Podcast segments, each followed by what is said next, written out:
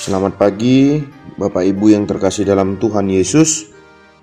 Renungan kita untuk mengawali minggu pertama ini tertulis di dalam surat 1 Tesalonika 5 ayat 22. Jauhkanlah dirimu dari segala jenis kejahatan.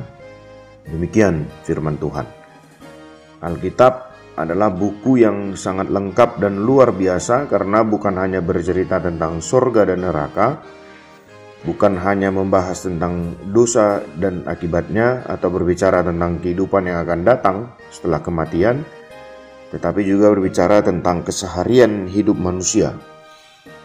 Alkitab mengajarkan kebebasan pribadi yang disebut dengan kehendak bebas manusia.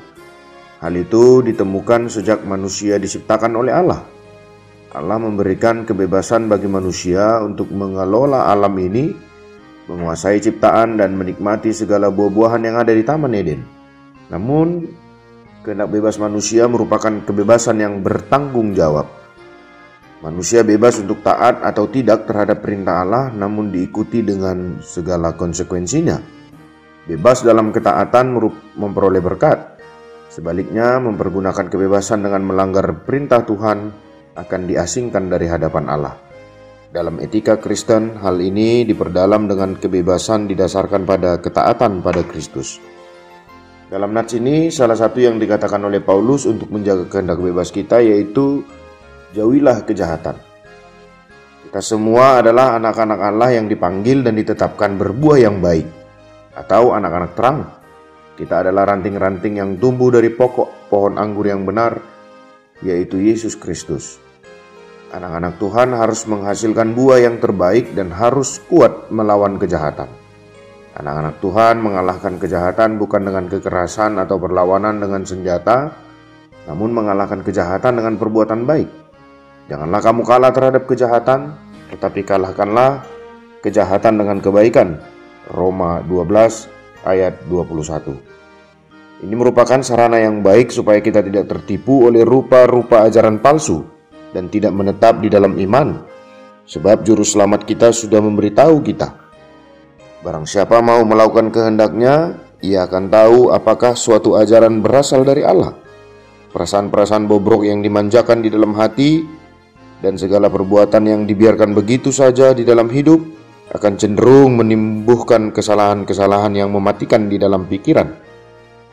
Sementara hati yang murni dan hidup yang lurus akan mencondongkan kita menerima dan mencintai kebenaran. Oleh sebab itu, kita harus menjauhkan diri dari kejahatan dan segala kemungkinan yang jahat dari dosa. Dan apa yang tampak sebagai dosa yang menghantarkan pada dosa dan apa yang bisa dikatakan sebagai dosa. Siapa yang tidak menjauh dari kemungkinan yang bisa menimbulkan dosa, yang tidak membenci peluang-peluang terjadinya dosa, dan yang tidak menghindar dari goda-godaan yang mengarah pada dosa, maka tidak lama lagi akan benar-benar berbuat dosa. Kembalilah kepada firman Allah, Tuhan memberkati.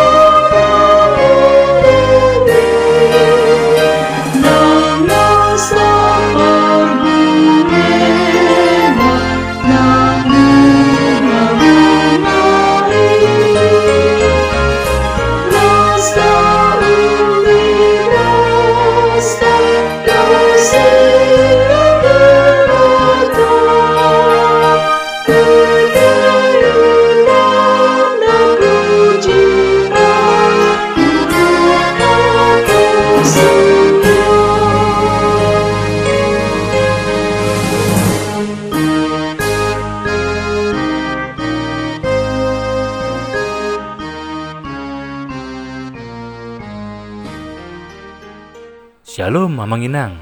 Terima kasih sudah mengawali hari dengan mendengarkan renungan hari ini. Yuk bagikan renungan harian ini kepada keluarga kita sehingga firman Tuhan itu tidak kembali sia-sia, namun berbuah dan terpelihara. Tuhan Yesus memberkati.